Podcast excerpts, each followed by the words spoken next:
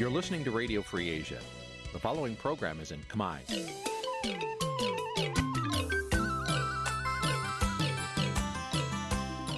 នេះជាកម្មវិធីផ្សាយ Vuthu Azizi Serai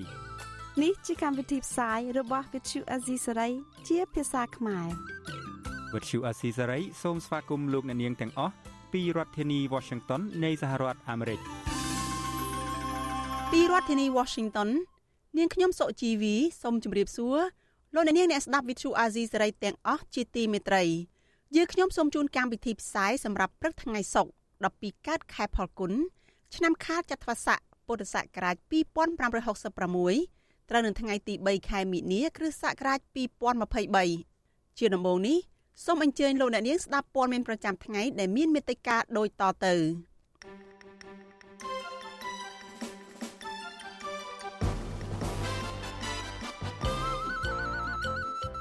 សង្គមស៊ីវិលជំរុញឲ្យមន្ត្រីអនុវត្តច្បាប់ជាជាងអនុវត្តតាមមាត់របស់លោកហ៊ុនសែនមេធាវីជាតិនិងអន្តរជាតិទាមទារសាលក្រមគ្មានទោសសម្រាប់លោកកឹមសុខាប្រជាសហគមន៍ជីអោកខេត្តព្រះវិហារសោកស្ដាយដែលអាជ្ញាធរបន្តឲ្យក្រុមហ៊ុនឈូសឆាយដីព្រៃក សិករមួយចំនួននៅខេត្តបៃលិនខ្វះដើមទុនបន្តមុខរបរកសិកម្មដោយសារធនាគារឈប់ផ្ដល់កម្ចីរួមនឹងព័ត៌មានសំខាន់សំខាន់មួយចំនួនទៀតចាជាបន្តទៅទៀតនេះនាងខ្ញុំសុជីវីសូមជូនព័ត៌មានទាំងនេះពិស្ដាចាលោកនាងជាទីមេត្រី សង្គមស៊ីវិលបន្តរិះគន់ថាមន្ត្រីជំនាញនៅតែអនុវត្តតាមការបង្គាប់បញ្ជារបស់លោកនាយរដ្ឋមន្ត្រីហ៊ុនសែន ហើយមិនបានយកច្បាប់មកអនុវត្តជាគោលនោះទេ ការរិះគន់នេះធ្វើឡើងបន្ទាប់ពីលោកហ៊ុនសែនបានបញ្ជាឲ្យកែប្រែច្បាប់ដើម្បីអនុញ្ញាតឲ្យពលរដ្ឋអាចចិញ្ចឹមសត្វព្រៃកម្រដើម្បីកុំឲ្យខ្លួនរបស់លោក និងកូនក្មួយរបស់លោកត្រូវប្រឈមនឹងការអនុវត្តច្បាប់ចាសសូមស្ដាប់សេចក្តីរាយការណ៍របស់លោកមានរិទ្ធអំពីរឿងនេះ កិច្ចអន្តរាគមរបស់លោកនាយរដ្ឋមន្ត្រីហ៊ុនសែនរឿងសត្វកង្កោកនឹងចេញបញ្ជាឲ្យមន្ត្រីរបស់លោកកែប្រែច្បាប់ដើម្បីអនុញ្ញាតឲ្យមានការចិញ្ចឹមសត្វព្រៃប្រភេទនេះត្រូវបានគេមើលឃើញថាទំនងមិនមែនដើម្បីផលប្រយោជន៍ពលរដ្ឋឬផលប្រយោជន៍សាធារណៈនោះទេករណីនេះអាចដោយសារតែក្រុមគ្រួសារលោកហ៊ុនសែនខ្លួនឯងកំពុងចិញ្ចឹមសត្វក្ងោកដោយបុរដ្ឋនិងហាក់ដូចជាមានគោលដៅ ប្រែក្លាយសកម្មភាពល្មើសច្បាប់របស់ក្រុមគ្រួសារនិងសាច់ញាតិរបស់លោកហ៊ុនសាន ដែលចូលចិត្តចិញ្ចឹមសត្វព្រៃឲ្យក្លាយទៅជាសកម្មភាពស្របច្បាប់វិញសមាជិកបណ្ដាញយុវជនកម្ពុជាហៅកាត់ថា CYN លោកសាន់ម៉ាឡាប្រាវិសុវអាស៊ីស្រីនៅថ្ងៃទី2ខែមីនាថាវប្បធម៌អន្តរាគមលើសំណុំរឿងតូចធំរបស់លោកហ៊ុនសាន បានឆ្លុះបញ្ចាំងឲ្យឃើញពីភាពទន់ខ្សោយនៃប្រព័ន្ធយុត្តិធម៌របស់កម្ពុជា ជាពិសេសបង្ហាញឲ្យឃើញពីអ្វីមួយដែលក្រុមអង្គការសង្គមស៊ីវិលឬអ្នកមាននិន្នាការមិនគាំទ្ររដ្ឋាភិបាល តែងតែហៅប្រទេសកម្ពុជាថាជាប្រទេសនីតិមាត់ពីព្រោះរាល់កិច្ចការទាំងអស់សម្រាប់ទៅតាមការចាត់ចែងឬបទបញ្ជារបស់អ្នកដឹកនាំមិនផ្អែកទៅលើច្បាប់ជាគោលនោះឡើយ។ ប៉ុន្តែយ៉ាងណាក៏ដោយបើសិនជារដ្ឋសភានៅមិនទាន់បានអនុម័តនៅមិនទាន់បានធ្វើវិសោធនកម្មនោះទេខ្ញុំគិតថាមន្ត្រីគួរតែអនុវត្តច្បាប់ទៅតាមអ្វីដែលកំពុងមានជាធរមានត្បិតប័ណ្ណបញ្ជារបស់នាយករដ្ឋមន្ត្រីនៅក្នុងការឲ្យអាជ្ញាធរពាក់ព័ន្ធបកគលសត្វកង្កោទៅម្ចាស់វិញវាជារឿងល្អប្រសើរហើយក៏ប៉ុន្តែវាជាការបំពេញទៅលើច្បាប់ដែលសភាបានអនុម័តហើយច្បាប់ដែលសភានៅមិនទាន់បានធ្វើវិសោធនកម្មការលើកឡើងនេះធ្វើឡើងបន្ទាប់ពីលោកហ៊ុនសែនបានចេញបញ្ជាអន្តរាគមឬមន្ត្រីរដ្ឋបាលព្រៃឈើចុះដកហូតសត្វក្ងោកពីបុរដ្ឋនៅខេត្តកំពង់ឆ្នាំងដើម្បីប្រគល់ទៅឲ្យម្ចាស់ដើមវិញនិងបានបញ្ជាឲ្យក្រសួងកសិកម្មរុក្ខាប្រមាញ់និងនេសាទរៀបចំធ្វើវិសោធនកម្មច្បាប់រដ្ឋបាលព្រៃឈើដើម្បីអនុញ្ញាតឲ្យមានចលនាចិញ្ចឹមសត្វព្រៃជិតផុតពូជនៅតាមផ្ទះ នៅក្នុងពិធីប្រគល់សញ្ញាបត្រដល់និស្សិតនៅវិទ្យាស្ថានបច្ចេកវិទ្យាកម្ពុជា កាលពីថ្ងៃទី1ខែមីនា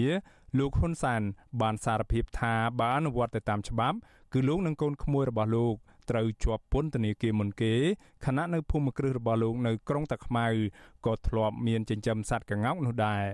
លើសពីនេះទៀត ផ្ទះកូនស្រីពៅរបស់លោកគឺលោកស្រីហ៊ុនម៉ាលីក្រៅពីសត្វកង្កោកក៏មានចិញ្ចឹមសត្វព្រៃជាច្រើនផ្សេងទៀតហើយកូនក្មួយរបស់លោកមួយចំនួនទៀតដូចជាលោកហ៊ុនតូនិងលោកហ៊ុនជាក៏កំពុងចិញ្ចឹមសត្វព្រៃដែរដើម្បីបើកឱកាសឲ្យប្រជាជនមានលទ្ធភាពចិញ្ចឹមសត្វដ៏កម្រហើយបើនិយាយពីជាប់ទោសវិញអ្នកជាប់ទោសមុនគេអ្នកណាគឺនាយករដ្ឋមន្ត្រីហ៊ុនសែនជាប់ទោសមុនគេចិញ្ចឹមកងោកច្រើនជាងច្រើនជាងណែកងោកអ្នកកំពុងឆ្នាំ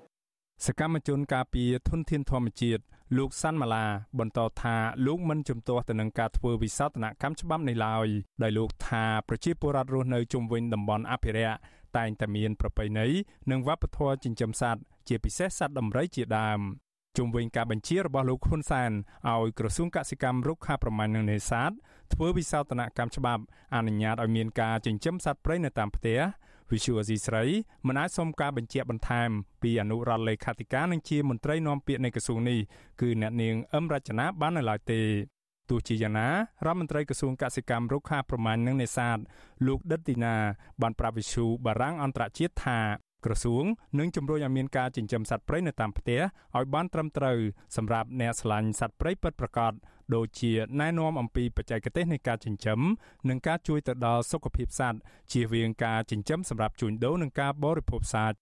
រឿងរ៉ាវទាំងនេះផ្ដើមចេញពីមន្ត្រីរដ្ឋបាលព្រៃឈើបានចោទដកហូតសត្វកង្កោកចំនួន20ក្បាល ជាប្រភេទសត្វព្រៃកម្រពីប្រជាពលរដ្ឋនៅភូមិសន្លង់ឃុំត្រពាំងច័ន្ទស្រុកបរិបូរនៃខេត្តកំពង់ឆ្នាំងកាលពីថ្ងៃទី16ខែកុម្ភៈ មន្ត្រីរដ្ឋបាលព្រៃឈើបានចាត់ប្រកាន់ពលរដ្ឋនោះថាបានចិញ្ចឹមសត្វកង្កោកសម្រាប់ជួញដូរពាណិជ្ជកម្មដែលអាចប្រឈមមុខជាប់ពន្ធនាគារពី1ឆ្នាំទៅ5ឆ្នាំខណៈម្ចាស់កង្កោកវិញ បានបកស្រាយថាខ្លួនបានចិញ្ចឹមសត្វកង្កោកទាំងនោះអស់រយៈពេលជាង10ឆ្នាំមកហើយនិងដោយសារសេចក្តីស្រឡាញ់ខ្លាំងមិនដាច់ចិត្តលក់ដូរកង្កោកទាំងនោះទេ នាយកទទួលបន្ទុកកិច្ចការទូតនៃអង្គការលីកាដូលោកអំសមាតយល់ឃើញថាការធ្វើវិសោធនកម្មច្បាប់ដើម្បីអនុញ្ញាតឲ្យពលរដ្ឋចិញ្ចឹមសត្វកម្រតាមផ្ទះដើម្បីចូលរួមអភិរក្សគឺជារឿងល្អ ក៏ប៉ុន្តែលោកចង់ឲ្យមានការពិចារណាក្នុងការហាមឃាត់ការចិញ្ចឹមប្រភេទសត្វសាហាវឬសត្វបង្កគ្រោះដល់ប្រជាពលរដ្ឋខ្ញុំយល់ថាការអនុញ្ញាតឲ្យចិញ្ចឹមសត្វកម្រនេះវាជារឿងល្អមួយទេក៏ប៉ុន្តែគួរតែពិនិត្យដែរថាសត្វកម្រប្រភេទណាអាចអនុញ្ញាតឲ្យធ្វើការចិញ្ចឹមដើម្បីបន្ត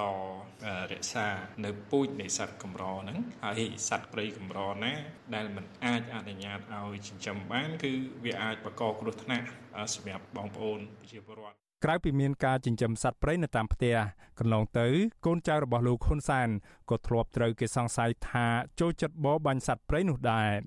កាលពីចុងឆ្នាំ2022មានរូបភាពបង្ហោះនៅតាមទំព័រ Facebook បង្ហាញអំពីកូនប្រសាររបស់លោកនាយរដ្ឋមន្ត្រីហ៊ុនសែនគឺលោកសុកពុទ្ធិវុឌ្ឍត្រូវជាប្តីរបស់លោកស្រីហ៊ុនម៉ាលី បានកាន់កំភ្លើងវែងតកណ្ងបបាញ់សត្វព្រៃដែលជាអំពើល្មើសច្បាប់មួយនៅកម្ពុជា ហើយដែលអាចប្រឈមដាក់ពន្ធនាគារពី1ឆ្នាំទៅដល់5ឆ្នាំ រូបភាពទាំងនោះបង្ហាញពីលោកសុកពុទ្ធិវុឌ្ឍញញឹមដាក់កាមេរ៉ានិងមានកាន់ជ្រូកព្រៃងាប់មួយក្បាលនិងរូបភាពផ្សេងទៀតបង្ហាញពីសត្វឆ្លុះនិងឆ្មាព្រៃជាដើមក្រោយមានរូបភាពរបស់លោកសុកពុទ្ធិវុឌ្ឍបង្ហោះនៅតាម Facebook ក្រសួងបរិស្ថានក៏កំពុងធ្វើច្បាប់មួយអនុញ្ញាតឲ្យមានការរៀបចំសកម្មភាពកីឡាប្រមាញ់សត្វព្រៃនៅក្នុងតំបន់អភិរក្សដែលជាតំបន់ទី2បន្ទាប់ពីតំបន់ស្នូលនៃព្រៃឈើដែលត្រូវគេការពារ សេចក្តីព្រាងច្បាប់បញ្ជាក់ថាកីឡាប្រមាញ់គឺសំដៅដល់ការបរបាញ់សត្វព្រៃសម្រាប់កំសាន្តនៅក្នុងតំបន់ការពារធម្មជាតិដែលមានគោលការណ៍និងការអនុញ្ញាតពីក្រសួងបរិស្ថានសកម្មជនបរិស្ថានចាត់ទុកថាសេចក្តីព្រាងច្បាប់នេះគ្រាន់តែបំពេញតាមបំណងរបស់អ្នកមានលុយមានអំណាចប៉ុណ្ណោះខណៈនៅកម្ពុជាពុំមានសត្វព្រៃប្រភេទណាមួយច្រើនលើសលប់សម្រាប់ការបាញ់កំសាន្តនោះឡើយខ្ញុំបាទមេរិត Visual C ស្រី ពីរដ្ឋធានី Washington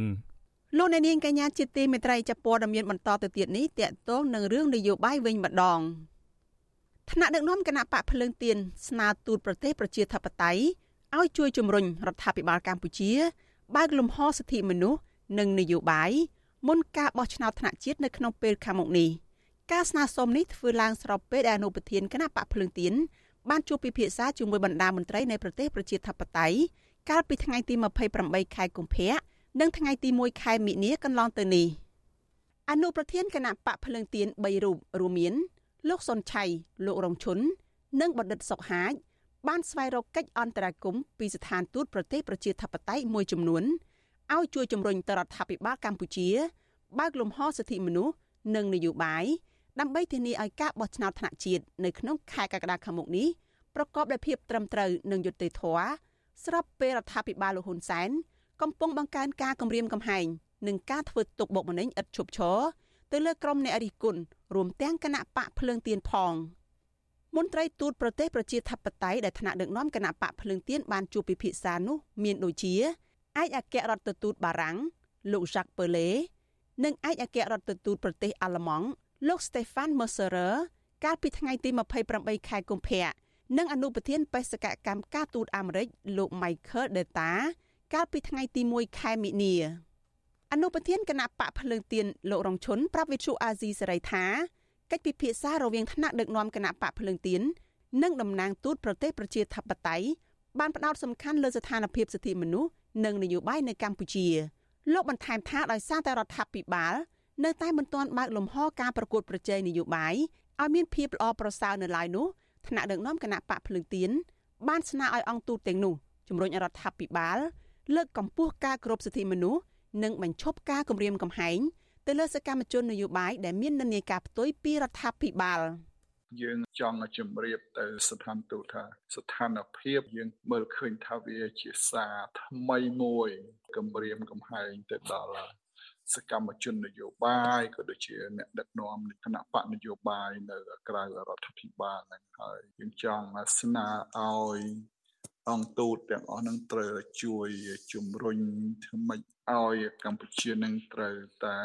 ដល់សេរីភាពបើកលំហដើម្បីធ្វើម៉េចឲ្យដំណើរការការបោះឆ្នោតនៅថ្ងៃ23កក្កដានេះមានគេថាសេរីត្រឹមត្រូវយុត្តិធម៌ទៅតាមច្បាប់ ដែលមានចែងលោករងឈុនបន្ថែមថាអង្គទូតនៃប្រទេសប្រជាធិបតេយ្យទាំងនេះបានឆ្លើយតបជាវិជ្ជមានចំពោះការលើកឡើងរបស់ថ្នាក់ដឹកនាំគណៈបកភ្លើងទៀនហើយពួកគេក៏កំពុងយកចិត្តទុកដាក់សង្កេតមើលការវិវត្តនយោបាយនៅកម្ពុជាផងដែរការស្នើសុំទាំងនេះធ្វើឡើងស្របពេលដែលរដ្ឋាភិបាលលហ៊ុនសែននារយៈពេលចុងក្រោយនេះបង្កើនការគម្រាមកំហែងនិងបន្តរដ្ឋបិទលំហប្រជាធិបតេយ្យនិងសិទ្ធិមនុស្សនៅកម្ពុជាកាន់តែខ្លាំង តាមរយៈការប្រើប្រាស់ប្រព័ន្ធតុលាការជាអាវុធករណីទាំងនោះរួមមានការចាប់ឃុំខ្លួនមេសហជីពកាស៊ីណូ Nagavel កញ្ញាឈឹមស៊ីធការចាប់ខ្លួនអនុប្រធានគណៈបកភ្លើងទៀនលោកថៃសិដ្ឋាការរឹបអូសទ្រព្យសម្បត្តិឧត្តមក្រុមប្រឹក្សាគណៈបកភ្លើងទៀនលោកគង់គួមនិងអនុប្រធានគណៈបកភ្លើងទៀនលោកសុនឆៃជាដើមជាមួយគ្នានេះលោកហ៊ុនសែនក៏បញ្ជាយ៉ាងតក់ក្រហល់ឲ្យក្រសួងព័ត៌មានបិទសារព័ត៌មានឯករាជ្យនៅក្នុងស្រុកគឺ VOD មិនឲ្យដំណើរការកាលពីថ្ងៃទី13ខែកុម្ភៈជុំវិញរឿងនេះវិទ្យុអាស៊ីសេរីមិនអាចតាក់ទងប្រធានអង្គភិបអ្នកណែនាំពាក្យរដ្ឋាភិបាលលោកផៃស៊ីផានដើម្បីបកស្រាយបានទេនៅថ្ងៃទី2ខែមិនិនាដោយទូរស័ព្ទហៅចូលតែពុំមានអ្នកទទួលទោះជាយ៉ាងណាអ្នកនាំពាក្យគណៈបកកណ្ដាលអំណាចលោកសុកអេសានអះអាងថាការចោតប្រកាន់ទៅលើសកម្មជនគណៈបកភ្លើងទៀននិងការបិទវិទ្យុ VOD កន្លងមកគ្រាន់តែជាការអនុវត្តច្បាប់តែប៉ុណ្ណោះបញ្ហាដែលកើតឡើង ពាក់ព័ន្ធនឹងមេដឹកនាំបកប្រឆាំងជាពិសេសថ្មីថ្មីនេះជាមួយមេដឹកនាំបកភ្លើងទៀននេះវាតែរឿងគាត់តែរឿងផ្ទៃក្នុងកម្ពុជាតាមានពាក់ព័ន្ធនៅអាមេរិកមានពាក់ព័ន្ធអីបារាំងផ្ទុយពីការលើកឡើងនេះក្រុមអង្គការសង្គមស៊ីវិលជាតិនិងអន្តរជាតិតែងលើកឡើងថារដ្ឋាភិបាលកម្ពុជា ប្រើប្រព័ន្ធតុលាការជាអាវុធដើម្បីជាលេសគម្រាមកំហែងទៅលើសកម្មជននិងអ្នកដែលមាននិន្នាការផ្ទុយពីរដ្ឋាភិបាលតែប៉ុណ្ណោះនិងមិនមែនជាការអនុវត្តច្បាប់សោះឡើយ អង្គភាពស៊ើបអង្កេតសេដ្ឋកិច្ចហៅកាត់ថា EIU ដែលមានមូលដ្ឋាននៅក្នុងចក្រភពអង់គ្លេសបានដាក់ចំណាត់ថ្នាក់កម្ពុជាទាបបំផុត ខាងអនុវត្តលទ្ធិប្រជាធិបតេយ្យឬជាប្រទេសដឹកនាំបែបផ្ដាច់ការបណ្ដាប្រទេសប្រជាធិបតេយ្យអង្គការសង្គមស៊ីវិលជាតិនិងអន្តរជាតិតែងតែស្នើរដ្ឋាភិបាលកម្ពុជា បើកលំហប្រជាធិបតេយ្យមុនការបោះឆ្នោតថ្នាក់ជាតិនៅក្នុងខែកក្កដាដើម្បីធានាឲ្យការបោះឆ្នោតប្រកបទៅដោយសេរី ត្រឹមត្រូវនិងយុត្តិធម៌បើពុំនោះទេ កម្ពុជានឹងបាត់បង់ផលប្រយោជន៍សេដ្ឋកិច្ចហើយនឹងទទួលរងទណ្ឌកម្មជាបន្តបន្ទាប់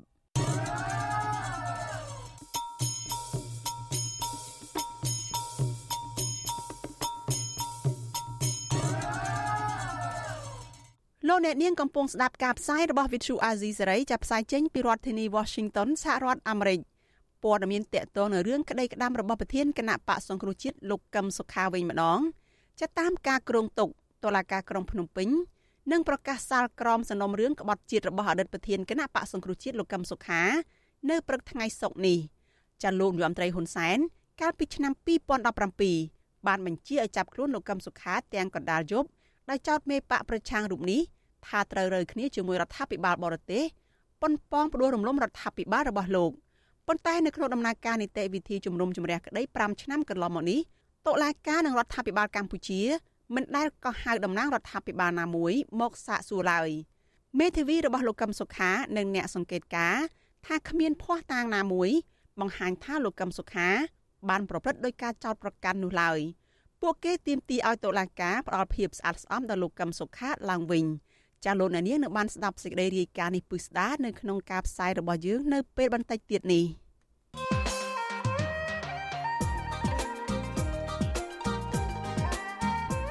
លោកអ្នកនាងជាទីមេត្រីលោកអ្នកនាងទំនងជានៅរងចាំអ៊ុតមើលលទ្ធផលរបស់សាលាដំបងរាជធានីភ្នំពេញដែលនឹងប្រកាសសាលក្រមសំណុំរឿងក្តីលោកកឹមសុខាប្រធានគណៈបកសង្គ្រោះជាតិនៅថ្ងៃសុក្រទី3ខែមិនិនានេះហើយ ថាតើតុលាការនឹងសម្រេចរឿងក្តីរបស់លោកកឹមសុខានេះបែបណាចានៅក្នុងនីតិវេទិកាអ្នកស្ដាប់វិទ្យុអាស៊ីសេរីនៅយប់ថ្ងៃសុក្រនេះនឹងជជែកអំពីតើបរិបទនយោបាយកម្ពុជានឹងទៅជាយ៉ាងណាដោយផ្អែកលើសាលក្រមលទ្ធផលក្តីរបស់លោកកឹមសុខានេះចាលោកសំរងស៊ីនិងលោកបណ្ឌិតសេងសេរីនឹងចូលមកធ្វើជាវាគ្មិនកិត្តិយសបកស្រាយជុំវិញនឹងប្រធានបទនេះ សូមលោកអ្នកនាងរងចាំទស្សនានីតិវេទិកានៃស្ដាប់វិទ្យុអាស៊ីសេរី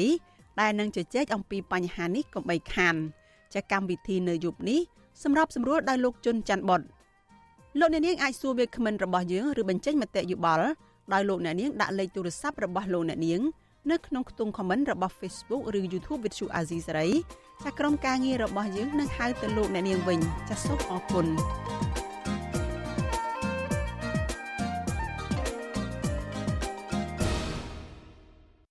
លោកអ្នកនាងកញ្ញាជាទីមេត្រីសូមបន្តតាមដានការផ្សាយរបស់យើងជាបន្តទៅទៀតចាព័ត៌មានបន្តទៅទៀតនេះតកតងនឹងការធ្វើធម្មយាត្រារបស់ប្រដេជគុណសយសាទ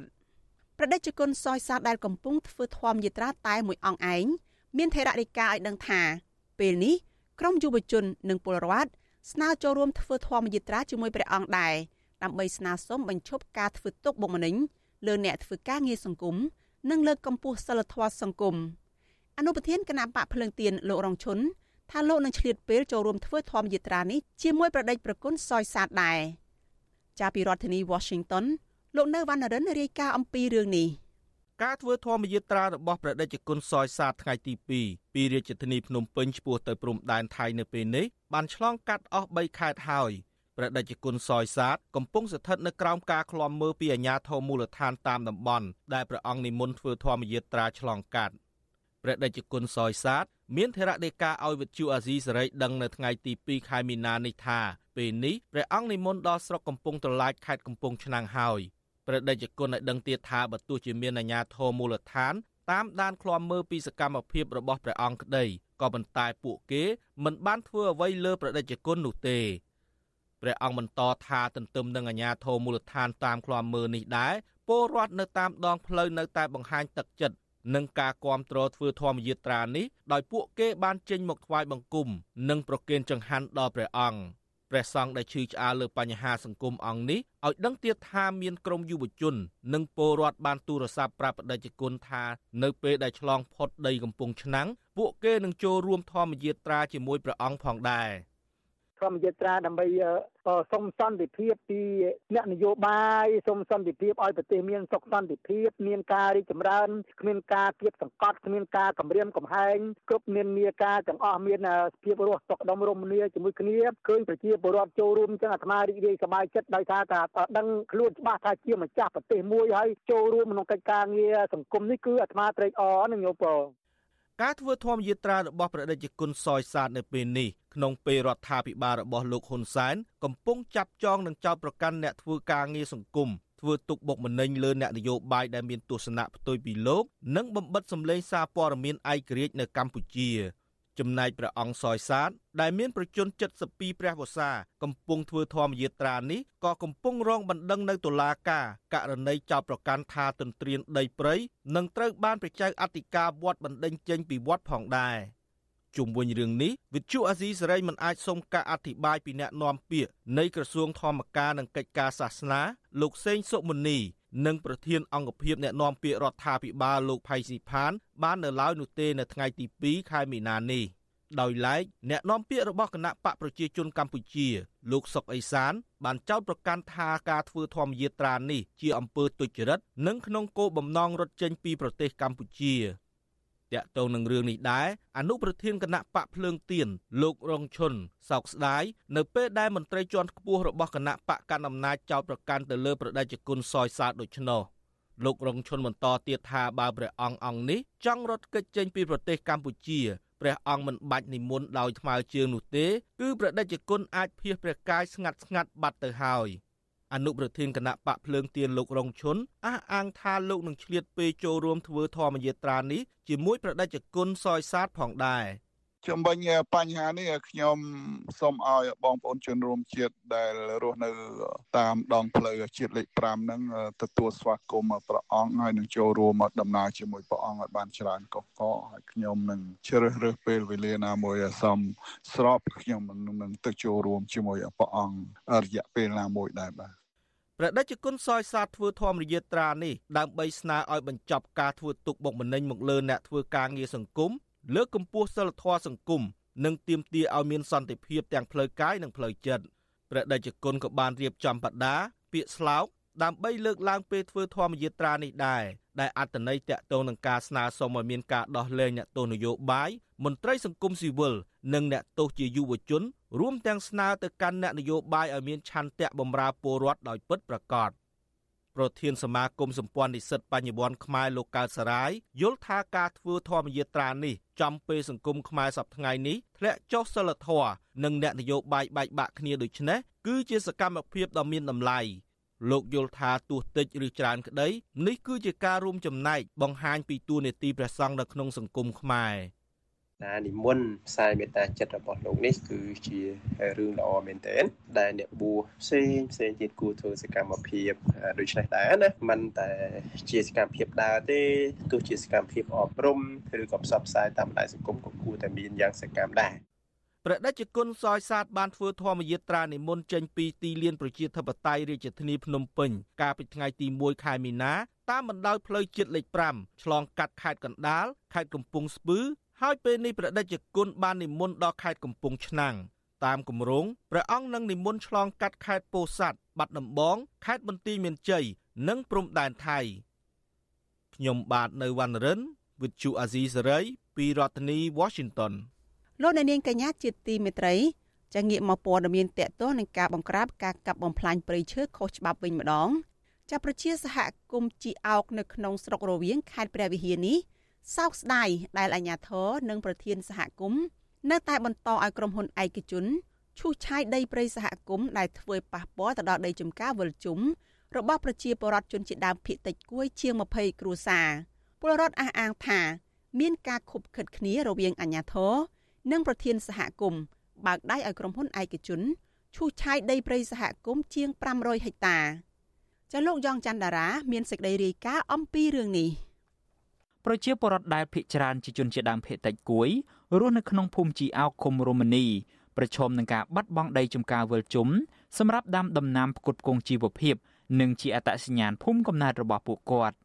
ប្រជាសហគមន៍អះអាងថាមកទល់នឹងពេលនេះក្រុមហ៊ុនសាន់តាណាដែលពួកគាត់សង្ស័យថាជារបស់អភិបាលរងខេត្តព្រះវិហារលោកអុកកំសាន នៅតែបន្តយកគ្រឿងចាក់ឈូសឆាយកំទេចព្រៃអស់ជាង500ហិកតា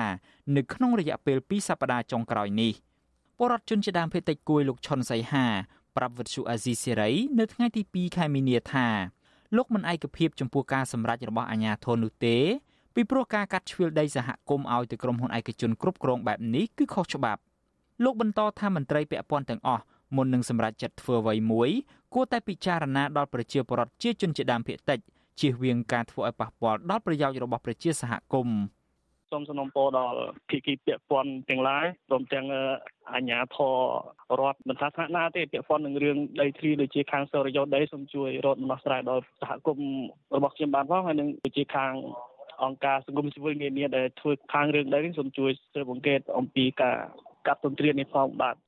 ស្រដៀងគ្នានេះដែរប្រជាពលរដ្ឋម្នាក់ទៀតថ្លែងសុំមិនបញ្ចេញឈ្មោះព្រួយបារម្ភថា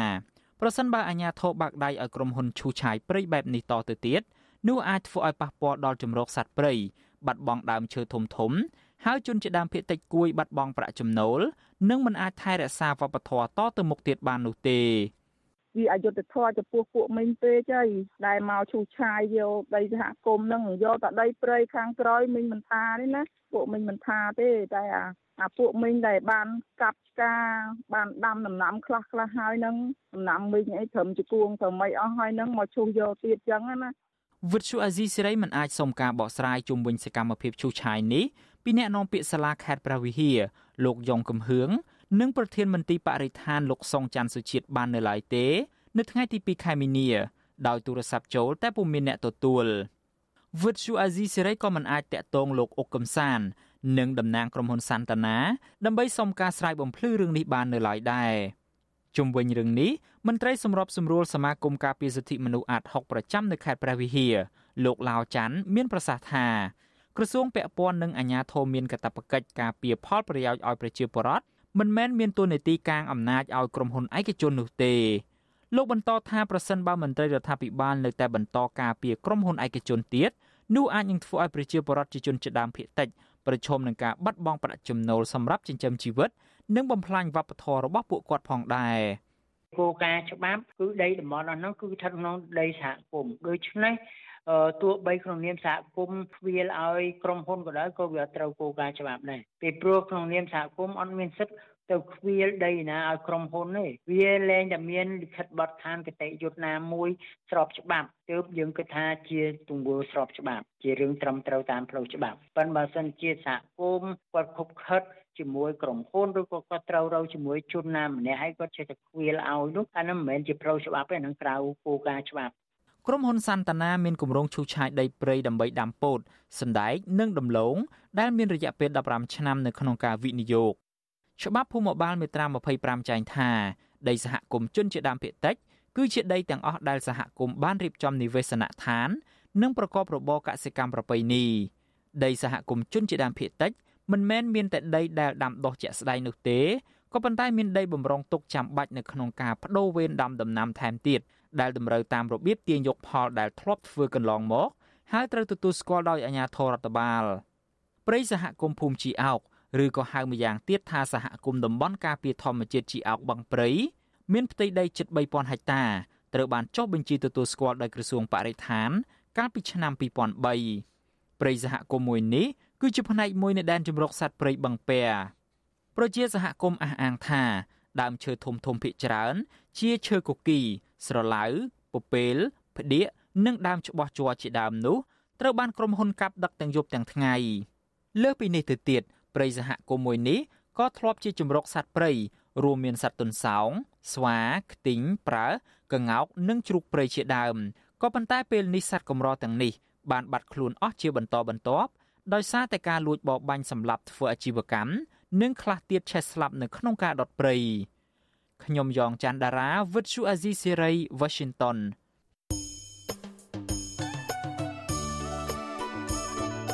លោកអ្នកនាងកញ្ញាជាទីមេត្រីដំណើរគ្នានឹងស្ដាប់ការផ្សាយរបស់វិទ្យុអាស៊ីសេរីតាមបណ្ដាញសង្គម Facebook និង YouTube លោកអ្នកនាងក៏អាចស្ដាប់ការផ្សាយរបស់វិទ្យុអាស៊ីសេរីតាមរយៈរលកធាតុអាកាសខ្លីឬ Shortwave តាមកម្រិតនិងកម្ពស់ដូចតទៅនេះពេលព្រឹកចាប់ពីម៉ោង5កន្លះដល់ម៉ោង6កន្លះតាមរយៈ post SW 9.39 MHz ស្មើនឹងកម្ពស់ 32m និង post SW 11.85 MHz ស្មើនឹងកម្ពស់ 25m ពេលយប់ចាប់ពីម៉ោង7កន្លះដល់ម៉ោង8កន្លះតាមរយៈ post SW 9.39 MHz ស្មើនឹងកម្ពស់ 32m post SW 11.88 MHz ស្មើនឹងកម្ពស់ 25m និងប៉ុស SW 15.5 MHz ស្មើនឹងកម្ពស់ 20m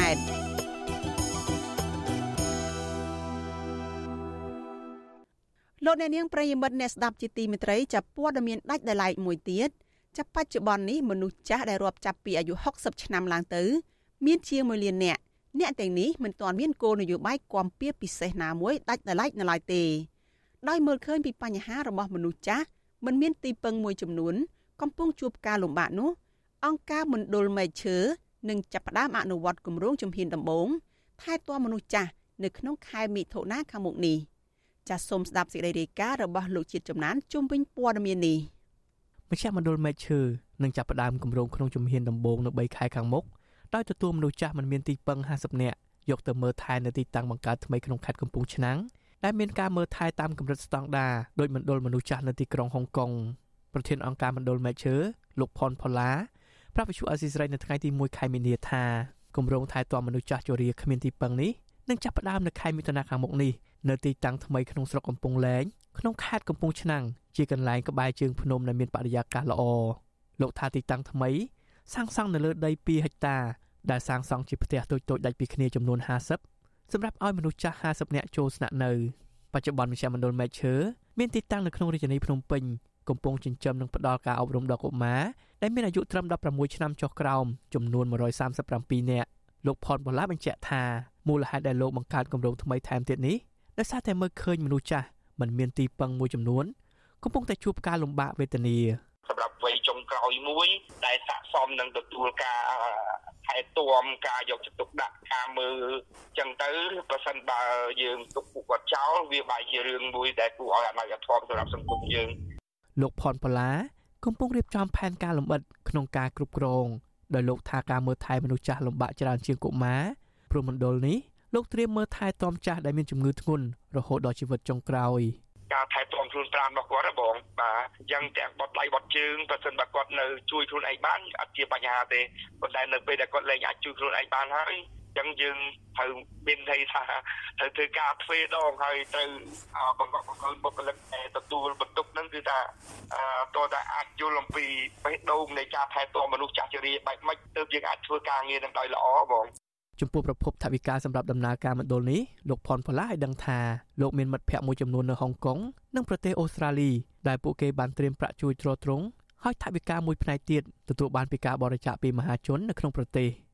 របាយការណ៍របស់ក្រសួងសង្គមគិច្ចអតីតយុវជននិងយុវនីតិសម្បទាបង្ហាញថាគិតត្រឹមឆ្នាំ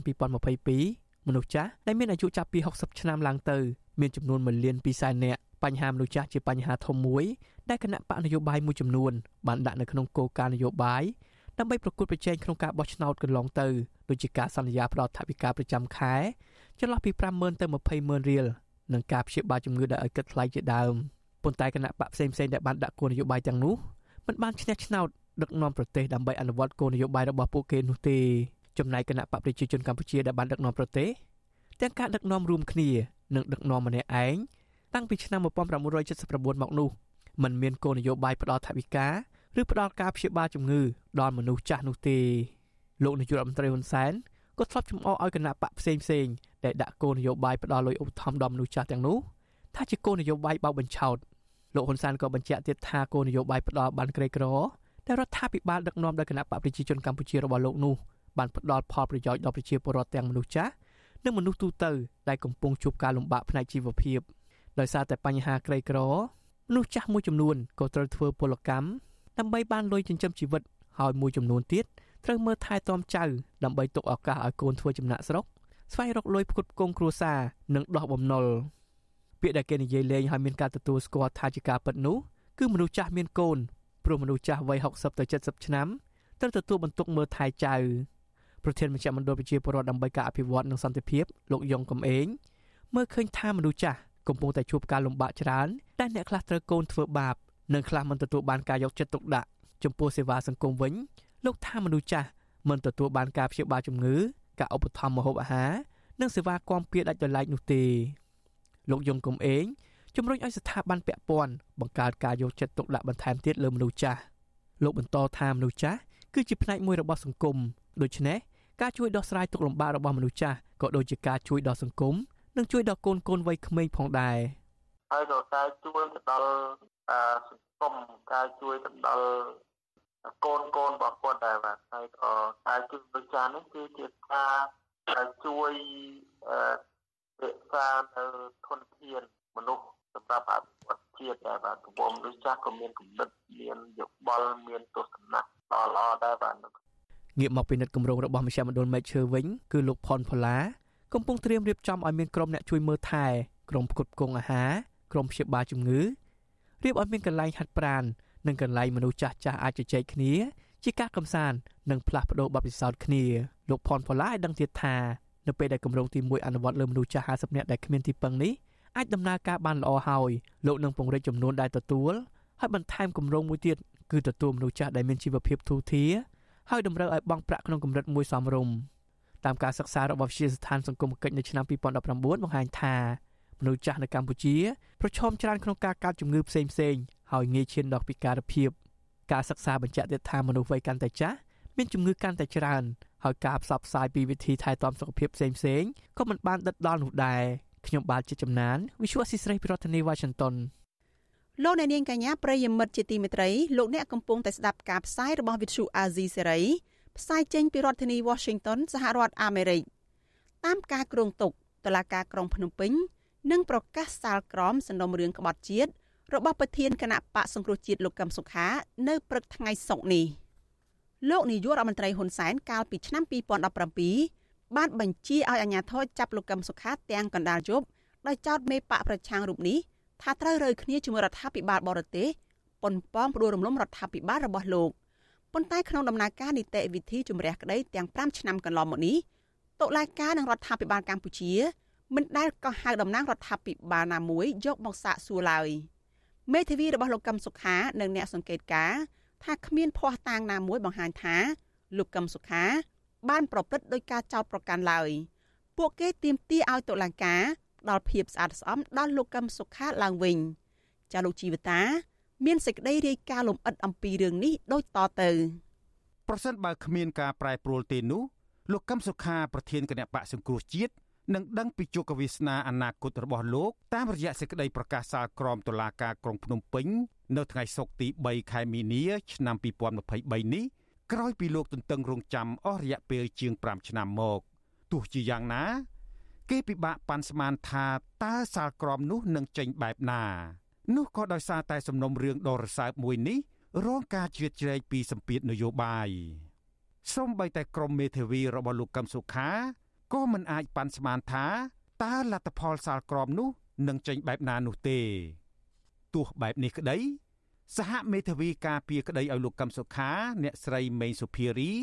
ប្រាប់វិទ្យុអាស៊ីសេរីនៅថ្ងៃទី1មីនាថាបើផ្អែកតាមអង្គហេតុនិងអង្គច្បាប់ កូនក្តីរបស់អ្នកស្រីមិនមានទោសកំហុស ដោយការចោទប្រកាន់នោះឡើយ។យើងខ្ញុំអត់អាចធ្វើការសន្និដ្ឋានបានទេថាសេចក្តីសម្រេចរបស់តុលាការមានលទ្ធផលវិជ្ជមានឬក៏អវិជ្ជមានចំពោះកូនក្តីយើងខ្ញុំ ក៏ប៉ុន្តែអ្វីដែលយើងខ្ញុំចង់និយាយអ្វីដែលយើងខ្ញុំចង់បង្ហាញគឺបាននិយាយនិងបានបង្ហាញអស់ហើយនៅក្នុងសវនាការកន្លងទៅចាយើងបានលើកអំពីតលហិកជាច្រើន ដែលបង្ហាញឲ្យឃើញថាការចោតប្រកាន់មកលើកូនក្តីយើងខ្ញុំគឺអត់មានភ័ស្តុតាងគ្រប់គ្រាន់នៅក្នុងការចោតប្រកាន់ឬក៏ដាក់បន្ទុកនោះទេចាកាលពីយប់ថ្ងៃទី3កញ្ញាឆ្នាំ2017មន្ត្រីនគរបាលប្រមាណ100នាក់ប្រដាប់ដោយអាវុធ បានសម្រុកចូលផ្ទះលោកកឹមសុខា ហើយចាប់ខ្លួនលោកបញ្ជូនទៅឃុំនៅគុកត្រពាំង plong ខេត្តត្បូងឃ្មុំ បន្ទាប់មកតុលាការក្រុងភ្នំពេញចោទលោកកឹមសុខាថាបានខົບខិតជាមួយសហរដ្ឋអាមេរិកប៉ុនប៉ងផ្ដួលរំលំរដ្ឋាភិបាលកម្ពុជា ជាបទចោទធ្ងន់ធ្ងរមួយដែលលោកកឹមសុខាតែងបដិសេធនិងដែលសហគមន៍អន្តរជាតិអស់សំណោចព្រះរាជអាជ្ញាបានលើកយកសេចក្តីថ្លែងការណ៍មួយនៅប្រទេសអូស្ត្រាលីរបស់លោកកឹមសុខា កាលពីឆ្នាំ2013នៅពេលលោកសំណេះសំណាលជាមួយអ្នកគាំទ្រខ្លួន មកធ្វើជាមូលដ្ឋានចោតប្រកាន់លោកកឹមសុខាពីទោសក្បត់ជាតិក្រោយពីជាប់ឃុំនៅពន្ធនាគារត្រពាំង plong ក្បែរព្រំដែនវៀតណាមអស់រយៈពេលជាង1ឆ្នាំមក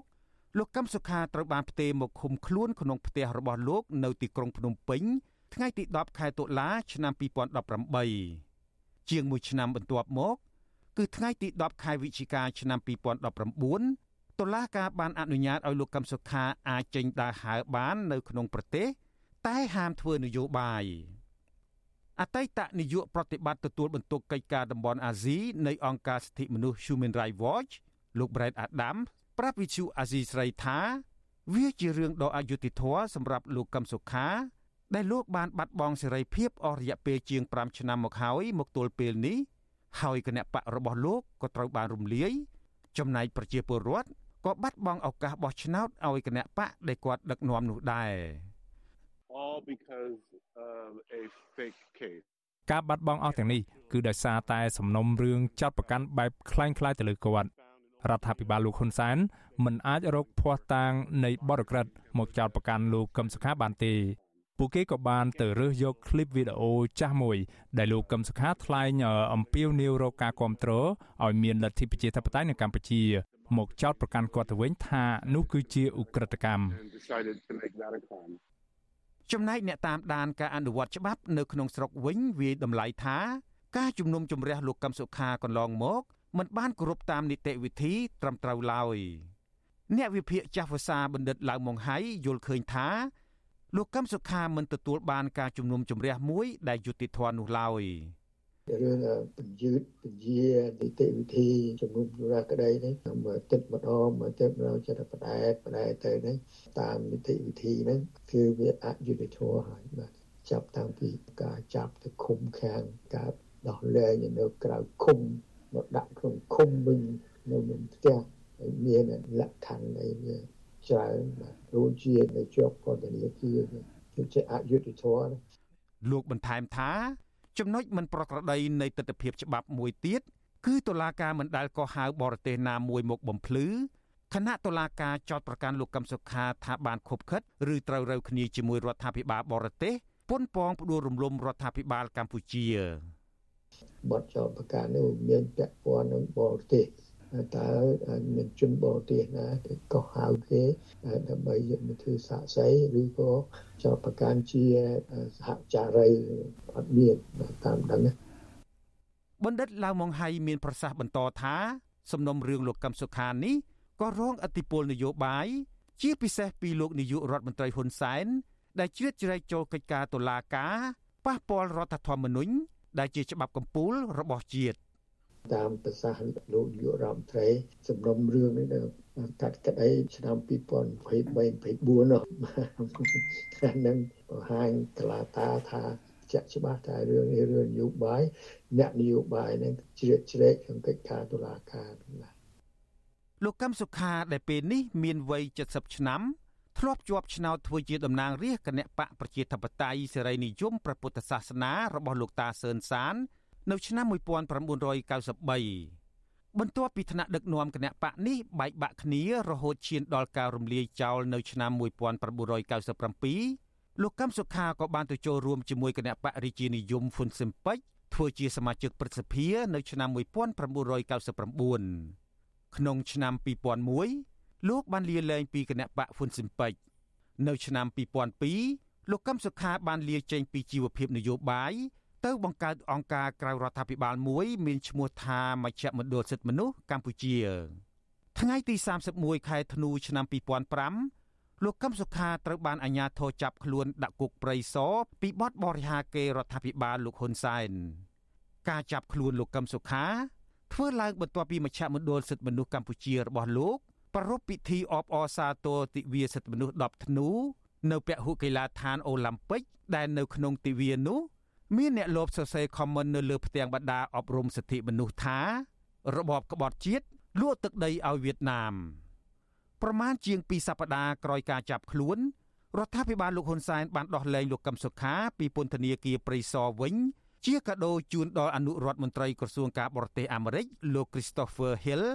ដែលបានមកធ្វើអធិបតីក្នុងពិធីបើកសម្ពោធស្ថានទូតអាមេរិកដែលទើបសាងសង់ថ្មីនៅរាជធានីភ្នំពេញ លោកកឹមសុខាបានលាចេញពីមជ្ឈមណ្ឌលសិទ្ធិមនុស្សកម្ពុជា នៅឆ្នាំ2007ទៅបង្កើតគណៈបកសិទ្ធិមនុស្សហើយបន្ទាប់មក នៅឆ្នាំ2012គណៈបករបស់លោកបានបញ្ចូលគ្នាជាមួយគណៈបកសំរងស៊ីរបស់លោកសំរងស៊ីបង្កើតបានជាគណៈបកថ្មីស្រឡាងមួយឈ្មោះគណៈបកសង្គ្រោះជាតិលទ្ធផលបោះឆ្នោតឆ្នាំ2013គណៈបកសង្គ្រោះជាតិបានឈ្នះឆ្នោតប្រដំប្រសងគ្នាជាមួយគណៈបកកាន់អំណាច គឺបកសង្គ្រោះជាតិបានទទួលអាសនៈសភា55អាសនៈបកប្រជាជនកម្ពុជាបានទទួល68អាសនៈលទ្ធផលបោះឆ្នោតនេះបង្កការភ័យខ្លាចដល់ថ្នាក់ដឹកនាំគណៈបកប្រជាជនកម្ពុជា នៅថ្ងៃទី16ខែវិច្ឆិកាឆ្នាំ2017តុលាការកំពូលដែលមានប្រធាននិងថ្នាក់ដឹកនាំមួយចំនួនទៀតជាសមាជិកជាន់ខ្ពស់របស់គណៈបកប្រជាជនកម្ពុជានោះ បានចេញសារក្រមរំលាយគណៈបកសង្គ្រោះជាតិដែលទើបមានអាយុបានប្រមាណ5ឆ្នាំ ការរំលាយនេះធ្វើឡើងក្រោយការចាប់ខ្លួនលោកកឹមសុខា បានជាង2ខែសហមេធាវីរបស់លោកកឹមសុខា អ្នកស្រីមេសុភារី បញ្ជាក់ប្រាប់វិទ្យុអាស៊ីសេរីថាលោកកឹមសុខានឹងទៅចូលរួមស្ដាប់ការប្រកាសសាលក្រមរបស់លោក នៅថ្ងៃសុក្រទី3ខែមីនានេះ អតីតនាយកប្រតិបត្តិទទួលបន្ទុកកិច្ចការតំបន់អាស៊ីនៃអង្គការសិទ្ធិមនុស្ស Human Rights Watch លោក Brett Adams មិនរំពឹងថាតុលាការក្រុងភ្នំពេញនឹងឲ្យលោកកឹមសុខារួចទោសទាំងស្រុងនោះទេបើគិតពីសេណារីយ៉ូបែបល្អតុលាការនឹងចេញសារក្រមប្រកាសថាលោកកឹមសុខាមានទោសក្នុងកម្រិតណាមួយប៉ុន្តែឲ្យគាត់រស់នៅក្រៅឃុំ but banned from politics because Hun Sen is ក៏ប៉ុន្តែនឹងហាមឃាត់គាត់មិនឲ្យធ្វើនយោបាយពីព្រោះថាលោកហ៊ុនសែនភ័យខ្លាចណាស់នឹងការបោះឆ្នោតមួយដែលសេរីនឹងយុត្តិធម៌លោកហ៊ុនសែនភ័យខ្លាចអ្នកនយោបាយជើងចាស់ដូចជាលោកកឹមសុខា លោកសំរងស៊ីនិងលោកសុនឆៃជាដើមព្រមទាំងមន្ត្រីមួយចំនួននៃបពប្រឆាំងដទៃទៀតដែលមានប្រជាប្រិយភាពច្រើនជាងគាត់ខ្ញុំគិតថាលោកហ៊ុនសែននឹងមិនអនុញ្ញាតឲ្យលោកកឹមសុខាដឹកនាំបពប្រឆាំងទៀតនោះទេ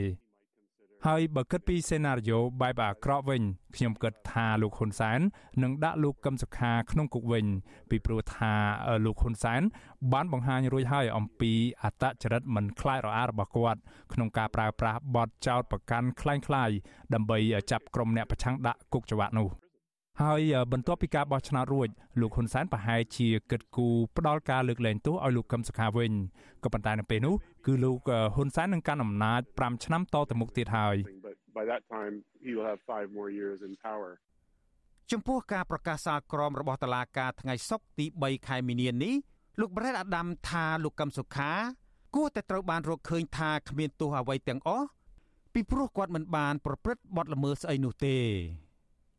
I mean, Kem Sakha should be given an award for courage លោកកឹមសុខាគួរតែទទួលបានរង្វាន់លើកទឹកចិត្តពីសេចក្តីក្លាហានរបស់គាត់នៅក្នុងការប្រកាន់ខ្ជាប់នៅអំពើអហិង្សាដើម្បីលទ្ធិប្រជាធិបតេយ្យនិងសិទ្ធិមនុស្សនៅកម្ពុជា នៅក្នុងរយៈពេលជាច្រើនឆ្នាំកន្លងមកនេះ បាទវាជាការពិតហើយដែលមន្ត្រីនិងសកម្មជនបពប្រឆាំងជាច្រើនទៀតដែលបានប្រកាន់ខ្ជាប់នឹងការតស៊ូដោយសន្តិវិធីដោយដាក់ជីវិតនិងសេរីភាពរបស់ខ្លួនធ្វើជាដើមទុនទោះត្រូវប្រឈមទៅនឹងគ្រោះថ្នាក់ដើម្បីភាពល្អប្រសើរនៅកម្ពុជាក៏ប៉ុន្តែពួកគេទាំងនោះបែរជាត្រូវទទួលរងនឹងការធ្វើទុកបុកម្នេញឥតស្រាកស្រាននិងការចាប់ដាក់គុកច្បាប់ប៉ះពាល់ដល់ខ្សែជីវិតរបស់ពួកគេនិងក្រុមគ្រួសាររបស់ពួកគេ ជនរងគ្រោះនយោបាយអស់ទាំងនោះក៏គួរតែត្រូវតឡាការរកឃើញថាគ្មានទោសបីអ្វីនោះទេ ហើយលោកហ៊ុនសែនខ្លួនឯងគួរតែមានសេចក្តីក្លាហានហ៊ានប្រឈមមុខជាមួយលោកកឹមសុខា នៅលើសង្វៀនប្រកួតគ្នាតាមរយៈការបោះឆ្នោត ហើយទុកឲ្យប្រជាពលរដ្ឋដែលជាម្ចាស់ឆ្នោតជាអ្នកសម្រេចទៅខ្ញុំជីវិតាអាស៊ីសេរី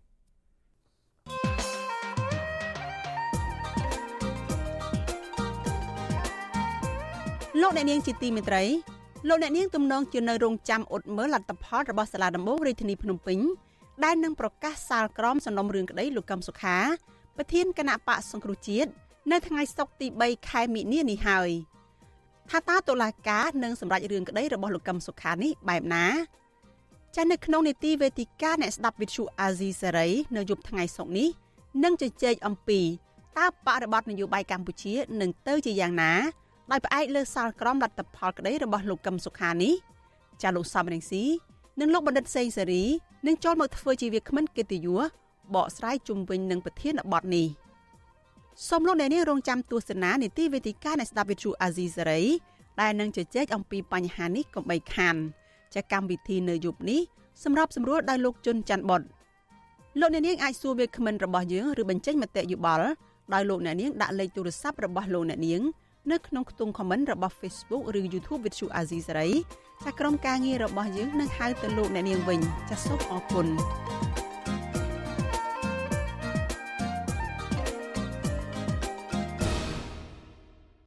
លោកអ្នកនាងជាទីមេត្រីសេចក្តីរាយការណ៍ពីខេត្តបៃលិនឯណោះឲ្យដឹងថាកសិករមួយចំនួននៅក្នុងខេត្តបៃលិន បានផ្អាកការដាំដុះដោយសារតែមិនមានដើមទុនព្រោះតែធនាគារមិនបានផ្ដល់កម្ចីឲ្យពួកគេ ករណីនេះកសិករចោទថាខាងស្ថាប័នផ្ដល់កម្ចីហាក់រើសអើងលើវិស័យកសិកម្មតែទោះជាយ៉ាងណាអ្នកនាំពាក្យខាងសមាគមគ្រឹះស្ថានមីក្រូរ៉ាញ់វត្ថុបញ្ជាក់ថា ស្ថាប័នផ្ដល់ប្រាក់កម្ចីមិនដែលមានការរើសអើងទេ គឺគេមានលក្ខខណ្ឌច្បាស់លាស់ចាប់ពីរដ្ឋធានី Washington អ្នកស្រីស្ងួនអមរារាយការណ៍ព័ត៌មាននេះកសិករមួយចំនួននៅខេត្តបៃលិនអះអាងថាស្ថាប័នធនាគារ រើសអើងមិនផ្ដល់កម្ចីដែលពួកគាត់ដាក់ស្នើយកមកធ្វើរបរកសិកម្មនោះទេ ហើយបានធ្វើឲ្យពួកគាត់ផ្អាកការដាំដុះដំឡូងនិងពោតពេលរដូវកាលដាំត្រូវចាប់ផ្ដើមនៅក្នុងខែកុម្ភៈកសិករនៅខេត្តបៃលិនលោកស្រីរួមយិបឲ្យដឹងថារូបគាត់ត្រូវការលុយ4លានរៀលសម្រាប់ធ្វើដើមទុនដាំដំឡូងនិងពោតនៅលើដី5ហិកតានៅក្នុងខែកុម្ភៈនេះលោកស្រីថាលុយគាត់ត្រូវការដើម្បីយកទៅជួលគេព្យួរទិញពូជទិញថ្នាំនិងចំណាយបន្តបន្សំផ្សេងទៀត លោកស្រីឲ្យដឹងទៀតថាគាត់ធ្លាប់ខ្ចីលុយពីស្ថាប័ន Vision Fund 3លានរៀលឥឡូវសងនៅសល់20ម៉ឺនរៀលទៀតលោកស្រីថា Vision Fund មិនផ្ដល់កម្ចីបន្តហើយស្ថាប័ន LOLC ដែលបានរៀបចំកម្ចីហើយតែមិនផ្ដល់ចម្លើយតបធ្វើឲ្យផែនការដាំដុះរបស់គាត់ត្រូវពន្យាពេលខ្ញុំកំពុងមកផ្ដល់ដែរទៅខាងណាទៀតនេះខ្ញុំថាយកថាបានទៅធ្វើដើមទុនដាក់ប្រឡងដាក់ពោតតដល់ឥឡូវអត់បាត់ ខ្ញុំ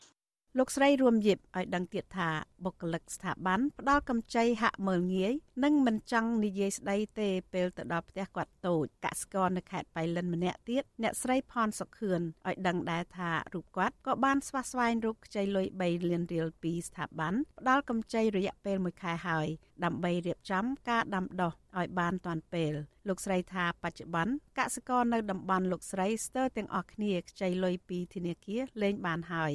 ដល់អ្នកស្រុក នេះនិយាយចំទៅគេអត់ឲ្យទាំងអស់ចង់យកក្រុមចង់យកអីក៏គេអត់ឲ្យមិនមែនតែខ្ញុំទេចង់គ្រប់គ្នាច្រើនគេអត់ឲ្យកសិករឲ្យដឹងថាដីធ្វើស្រែចម្ការមួយចំនួនត្រូវទុកទំនេរចោលហើយមួយចំនួនទៀតកសិករលក់ឲ្យឈ្មួញអស់ដើម្បីយកលុយដោះបំណុល ស្ថានភាពនៅក្នុងភូមិគឺមានតែកុមារតូចតូចនិងមនុស្សវ័យចំណាស់ចំណែកមនុស្សវ័យកណ្ដាលមួយភាគធំធ្វើដំណើរទៅកាន់ប្រទេសថៃនិងមួយចំនួនធ្វើដំណើរទៅកាន់តំបន់ផ្សេងទៀតនៅក្នុងប្រទេសដើម្បីស្វែងរកការងារធ្វើ។ កសិករម្នាក់ទៀតលោកស្រីសុកប៉ែតក៏កំពុងជួបការលំបាកនៅក្នុងជីវភាពខ្វះខាតលុយធ្វើដើមទុនថែមដែរខណៈបច្ចុប្បន្នគាត់កំពុងជាប់បំណុលនៅធនាគារមួយចំនួន3លានរៀលទៀតលោកស្រីសុកប៉ែតឲ្យដឹងថាបច្ចុប្បន្នគាត់ធ្វើកសិកម្មលើដីផ្ទៃមិនដល់1ហិកតាដោយសារគាត់លក់ដីអស់3ហិកតាដើម្បីយកសងបំណុលនិងប្រើសម្រាប់ព្យាបាលជំងឺកាលពីឆ្នាំ2016 លោកស្រីប៉ែតឲ្យដឹងទៀតថារដូវប្រមូលផលរបស់គាត់ឆ្នាំនេះរងការខូចខាតដោយសារចំនួនទឹកភ្លៀងធ្វើឲ្យលោកស្រីមិនមានលុយបង់សងប្រាក់ដើមទៅធនាគារគឺបានត្រឹមតែបង់ការប្រាក់ប៉ុណ្ណោះឆ្នាំនេះទឹកជន់ច្រើនពេកខូចអស់បានខ្ញុំអត់បានសងទេព្រោះខាតតែនទៀត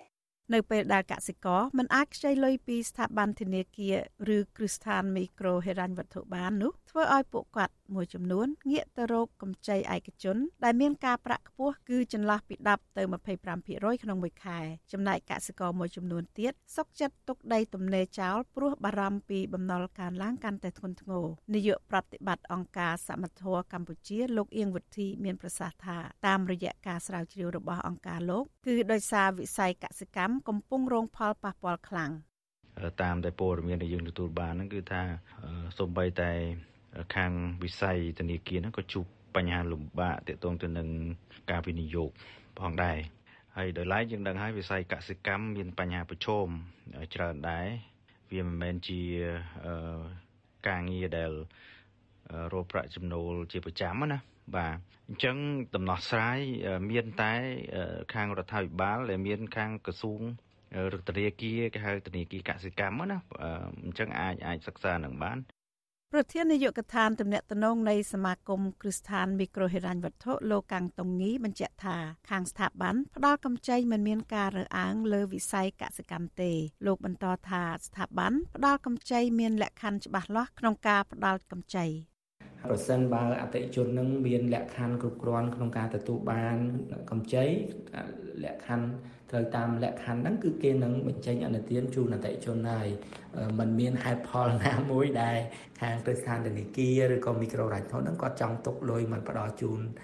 มันផ្ដល់ជូនអតិជនទេប្រសិនបើអតិជនមានលក្ខខណ្ឌត្រឹមត្រូវឬក៏សមស្រប លោកកាំងតុងងីលើកទឹកចិត្តឲ្យកសិករដែលកំពុងជួបបញ្ហានេះស្វែងរកស្ថាប័នផ្ដល់កម្ចីផ្សេងទៀតព្រោះស្ថាប័នផ្សេងគ្នាគេអាចមានគោលការណ៍ឬលក្ខខណ្ឌផ្សេងគ្នាក្នុងការផ្ដល់កម្ចីបញ្ហាបំណុលនិងបញ្ហាវិស័យកសិកម្មនេះហាក់កំពុងរីករាលដាលទន្ទឹមគ្នាពីមួយឆ្នាំទៅមួយឆ្នាំមិនមានការថមថយនោះទេ កាលពីខែកញ្ញាឆ្នាំ2022ក្រសួងសហព័ន្ធអាល្លឺម៉ង់សម្រាប់សហប្រតិបត្តិការសេដ្ឋកិច្ចនិងអភិវឌ្ឍ BMC បានចេញរបាយការណ៍សិក្សាដែលបញ្ជាក់ថាពលរដ្ឋកម្ពុជាជាង160,000នាក់ កំពុងលក់ដីសងបំណុលក្នុងរយៈពេល5ឆ្នាំចុងក្រោយនេះរបាយការណ៍សិក្សាបញ្ជាក់ថាគិតជាមធ្យមគឺក្នុងរយៈពេល16នាទីម្ដង មានពលរដ្ឋខ្មែរម្នាក់លក់ដីសងបំណុលរបាយការណ៍នោះបញ្ជាក់ទៀតថាការលក់ដីទាំងបង្ខំដើម្បីសងបំណុលនេះគឺកំពុងតែរីករាលដាលខ្លាំងដែលអាចរាប់ចូលថាជាការរំលោភសិទ្ធិមនុស្សធ្ងន់ធ្ងរត្រូវមានវិធានការដោះស្រាយបន្ទាន់ទន្ទឹមនឹងការចេញផ្សាយរបាយការណ៍របស់ក្រសួងសហព័ន្ធអាល្លឺម៉ង់នេះនៅខែកញ្ញាឆ្នាំ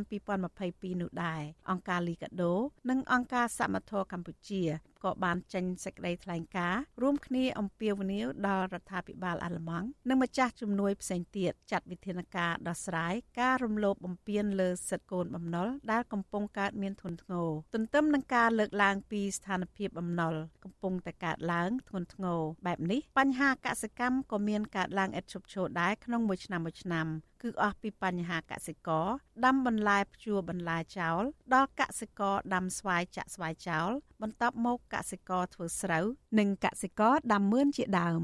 ដោយសារតែការខាតបង់និងមិនមានដើមទុនធ្វើកសិកម្មបន្តលោកស្រីថ្លែងបន្តថាពេលនេះលោកស្រីត្រូវផ្អាកដាំពោតលើផ្ទៃដី3ហិកតា ហើយក្រុងធ្វើដំណើរទៅខេត្តផ្សេងផ្សេងទៀតដើម្បីរកការងារចិញ្ចឹមជីវិតបាក់រឿងបាក់និយាយលែងកើតទៅគូមានអីធ្វើចការទៀតទេអស់ហើយកាន់តែកាន់តែទៅទៀតហើយ នឹងជារោស្អីធ្វើស្អីខ្ញុំចង់ឡើងទៅរតនគិរីនេះគ្រូទៅទីឈ្មោះហើយចឹងទីគេ របាយការណ៍គ្រឹះស្ថានមីក្រូហិរញ្ញវត្ថុបង្ហាញថាកសិករប្រមាណ90%ជាប់បំណុលរបាយការណ៍បង្ហាញថាបំណុលក្នុងវិស័យកសិកម្មក្នុងរយៈពេល5ឆ្នាំចុងក្រោយកើនឡើងពី1 billion ទៅ1កណ្ដាក់សញ្ញា6 billion ដុល្លារអាមេរិករបាយការណ៍រដ្ឋាភិបាលកម្ពុជាក៏បានបង្ហាញដែរថាកម្ចីក្នុងវិស័យកសិកម្មកើនឡើង11%នៅក្នុងឆ្នាំ2020និងកើនឡើង21%នៅឆ្នាំ2021 បំណុលនៅក្នុងវិស័យកសិកម្មបានបង្ខំឲ្យកសិករបោះបង់របរកសិកម្មហើយរត់ទៅរកការងារនៅក្នុងប្រទេសថៃជាង2លាននាក់កសិកម្មជាមុខរបរប្រពៃណីពីដូនតាត្រូវបានកូនកសិករសម័យថ្មីមិនឲ្យតម្លៃនិងមិនប្រាថ្នាចង់ធ្វើកសិកម្មតពីឪពុកម្ដាយទៀតនាងខ្ញុំស្ងួនអមរា Vichu Azisari ពីរដ្ឋធានី Washington thank you